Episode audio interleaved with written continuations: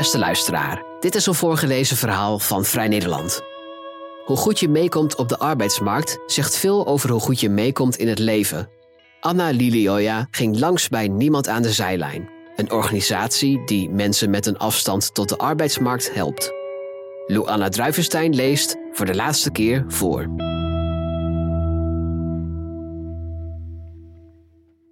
We hebben in Nederland de participatiewet, die ervoor moet zorgen dat meer mensen werk vinden, ook degene met een zogenaamd kwetsbare arbeidsmarktpositie, zoals nieuwkomers, ouderen, mensen met een arbeidsbeperking.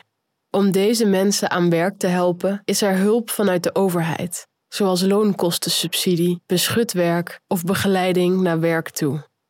Klinkt goed, maar in de praktijk blijkt dat al die regeltjes ook in de weg kunnen staan van echt meedoen in de samenleving.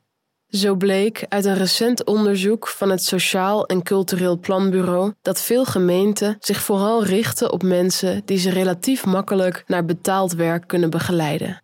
Maar veel bijstandsgerechtigden kampen volgens het SCP met grotere problematiek. Werk is een van de belangrijkste manieren waarop volwassen mensen wel of niet mee kunnen doen in de maatschappij.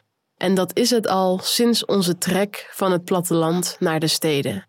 Volgens antropoloog James Sussman, die deze ontwikkeling beschrijft in zijn boek Werk en geschiedenis van de bezige mens uit 2020, had dit toen ook al alles te maken met onze psychologische basisbehoeften aan zingeving en saamhorigheid en dus het idee dat je ergens aan meedoet.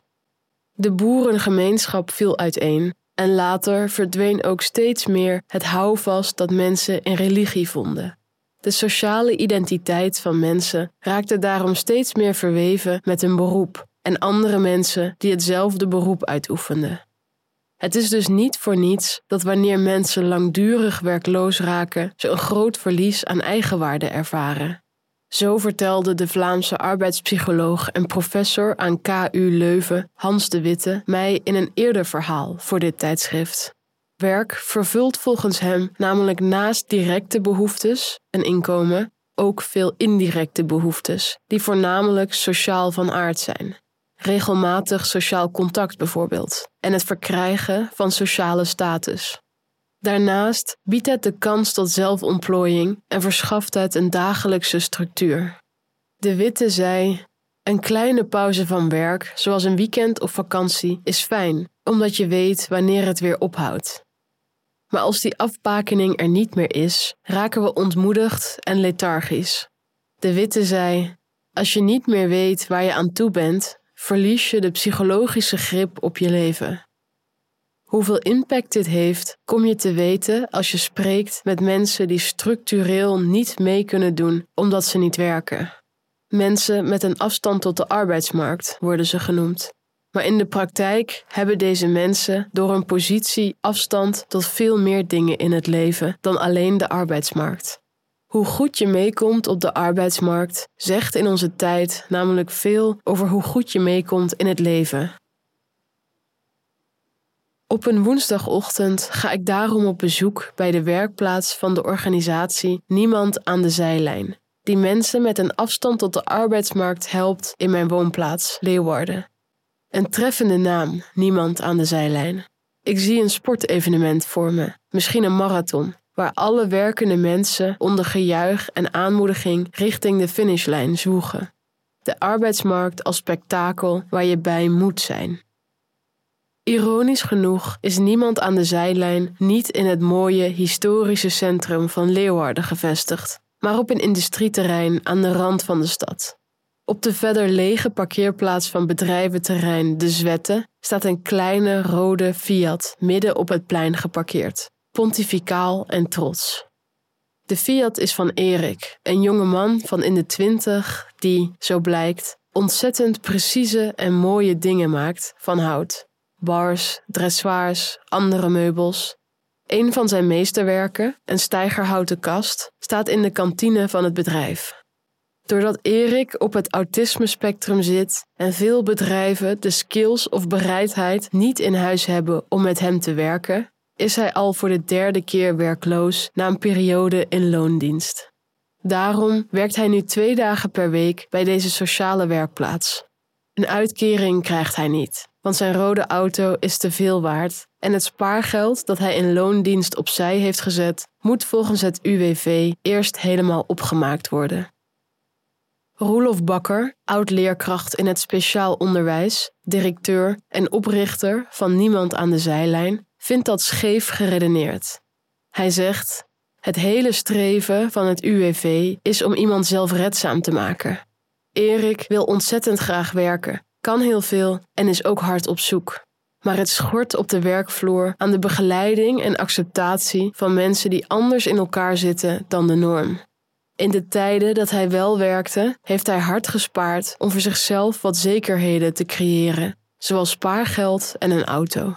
Nu moet hij eerst die zekerheden opgeven en helemaal terug naar nul om financieel gesteund te mogen worden tijdens zijn zoektocht naar betaald werk. Het is geen geheim dat er in Nederland veel vraag is naar personeel, maar volgens Roelof Bakker moet dat personeel wel in een hokje passen. Als het te veel moeite kost om het personeel te begeleiden, dan zijn werkgevers opeens toch niet zo hard op zoek. Terwijl mensen volgens Bakker juist opbloeien en zich ontwikkelen als hun vertrouwen en aandacht wordt geschonken.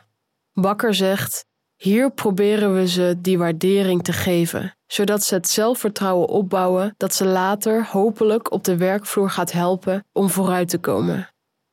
Volgens Bakker is dit soort maatschappelijk werk extreem politiek gevoelig en gebonden aan allerlei wetten, regels en targets. De gemeente maakt een berekening. Als je tien mensen uit de uitkering haalt, zou dat de overheid bijvoorbeeld een ton per jaar kunnen schelen aan kosten. Dat willen ze dan zo snel en zo efficiënt mogelijk doen. Er worden termijnen gehanteerd van maximaal een aantal jaar voordat iemand geacht wordt mee te draaien. Bakker zegt: Over het algemeen zijn overheden wel doordrongen van het feit dat het goed is als mensen kunnen meedoen, zowel voor die mensen zelf als voor de maatschappij. Maar niet al die tien mensen die je begeleidt zullen even snel en even succesvol kunnen gaan participeren. Sommigen hebben langere begeleiding en aandacht nodig of zullen nooit 40 uur per week kunnen gaan werken. Daar is minder aandacht voor en dat is volgens Bakker het belangrijkste spanningsveld tussen politieke doelen en een meer menselijke benadering van meedoen in de maatschappij. Bakker zegt: Het systeem waarin we leven, waar weinig ruimte is voor mensen die afwijkende behoeftes hebben, zorgt ervoor dat werkplaatsen als de onze kunnen bestaan. Maar doordat dit werk weer is opgehangen aan zoveel regeltjes, verlies je juist de voor dit werk noodzakelijke menselijkheid. Bakker ziet dat er veel verantwoordelijkheid bij de burger zelf wordt gelegd.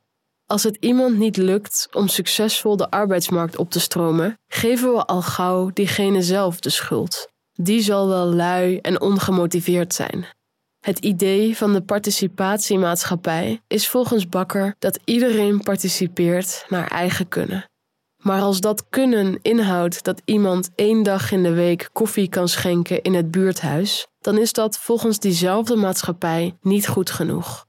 Bakker zegt: We geven mensen een hengel en verwachten dat ze aan het eind van de dag met een goede vangst thuiskomen. Maar niet iedereen kan vissen. We hebben volgens Bakker de neiging om mensen te bestraffen voor het deel dat ze verkeerd doen, in plaats van ze te belonen voor het deel dat ze goed doen. En om zelfverzekerde mensen te krijgen die graag mee willen doen, moet dat veranderen. Hij noemt een voorbeeld uit de tijd dat hij rector was bij een scholengemeenschap in Drachten. Elke vrijdag stuurde een collega dezelfde jongen naar hem toe omdat hij weer te laat was gekomen. Bakker vertelt: Ik werd daar op een gegeven moment zo flauw van dat ik aan die collega vroeg om de volgende keer, wanneer die jongen te laat kwam, de vlag uit te hangen. Deze jongen kwam namelijk uit zo'n milieu waar er werd neergekeken op school en werk. Voor zo'n jongen moet je bij wijze van spreken juist applaudisseren wanneer die überhaupt aanwezig is. Niemand aan de zijlijn hanteert daarom ook geen strenge regels, bijvoorbeeld omtrent te laat komen. Maar één regel hebben ze wel. De mensen die er komen, moeten het zelf willen. Maar mensen die zichzelf helemaal niet willen ontwikkelen of daarin geholpen willen worden, zijn volgens Bakker zeldzaam. Hij zegt: In de meeste mensen zit een enorme drang om te leren, om van waarde te willen zijn. Je moet daar alleen wel de ruimte voor kunnen geven en alle kleine stapjes vieren. Op de werkplaats van Niemand aan de Zijlijn lopen naast Nederlandse deelnemers ook een aantal statushouders rond. Syrische jongens die jarenlang tussen verschillende asielzoekerscentra heen en weer hebben gereisd. Ze zijn al die tijd belet in hun bewegingsvrijheid, hebben geen taallessen mogen nemen, geen werk mogen doen, geen netwerk kunnen opbouwen, hoe gemotiveerd ze ook waren. Als ze eindelijk een verblijfsvergunning krijgen, worden ze in principe in het diepe gegooid. Zoek het nu zelf maar uit. Bakker vraagt: Vind je het dan gek dat ze een achterstand hebben opgelopen en alleen maar kunnen tafeltennissen? Het enige wat ze al die jaren hebben kunnen doen om hun verveling te doden. Hoewel het niet de voornaamste dienst van de sociale werkplaats is, zijn de deelnemers er het liefste bezig met het leren van de Nederlandse taal. Eén keer per week krijgen ze een middag taalles. Het staat met grote letters op een whiteboard aan de muur geschreven. Maar het liefst zitten ze elke dag met hun neus in de boeken, zegt Jan Willem Verhoeven, die als begeleider op de werkplaats rondloopt. Een van de Eritrese jongens in de werkplaats is nu bezig om koffiedik en paddenstoelensporen in een grote zak te scheppen. Het is een klusje voor Friesland Fungis, een van de samenwerkingspartners van Niemand aan de Zijlijn. Laatst zijn de medewerkers op excursie geweest naar de fabriek van het bedrijf om te zien waar al hun harde werk toe leidt. Een belangrijk uitje volgens begeleider Verhoeven. Hij zegt: Je kunt wel dagenlang in je eentje koffiedik scheppen, maar je moet ook begrijpen welke rol je in het geheel hebt. Waar gaan al die zakken heen? Wie eet die paddenstoelen die jij hebt helpen groeien uiteindelijk op? Het besef dat ze een schakel zijn in een groter geheel is motiverend. Ze willen niet weggestopt zitten op een werkplaats. Ze willen een bijdrage leveren aan de samenleving en weten dat ze ertoe doen. Want de werkelijkheid is nog steeds dat ze na de twee werkdagen die ze op de sociale werkplaats kunnen spenderen, naar een kleine kamer in een buitenwijk gaan. Sociale contacten hebben veel van de deelnemers weinig en daarnaast zitten ze met trauma's en persoonlijke verhalen die ze in hun eentje moeten zien te verwerken. Terwijl de maatschappij vraagt hoe lang het duurt voordat ze normaal meedoen. Of nog erger, ze een profiteur noemt. Verhoeven zegt: Het is voorgekomen dat ik hoorde dat een van mijn deelnemers een zelfmoordpoging had gedaan. De volgende week stond hij weer hier. Maar praten gaat moeilijk. En zodra ze een verblijfsstatus hebben, zijn ze op zichzelf aangewezen om psychische hulp te vinden. Dat is voor een autochtone Nederlander al een moeilijke stap. Laat staan als je de taal nog niet goed spreekt en de weg niet kent in onze maatschappij. Volgens Bakker bestaat er in de Nederlandse maatschappij niet zoiets als integratie. Hij concludeert: We denken hier enorm in hokjes. En in die hokjes moet je als nieuwkomer, maar ook als autochtone Nederlander zien te passen. Je moet van 9 tot 5 werken en daarna naar huis.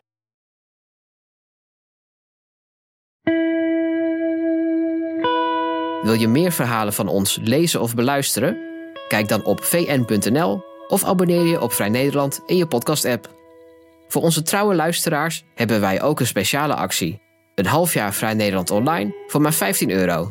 Kijk voor de aanbieding en de voorwaarden op vn.nl/podcast. Bedankt voor het luisteren.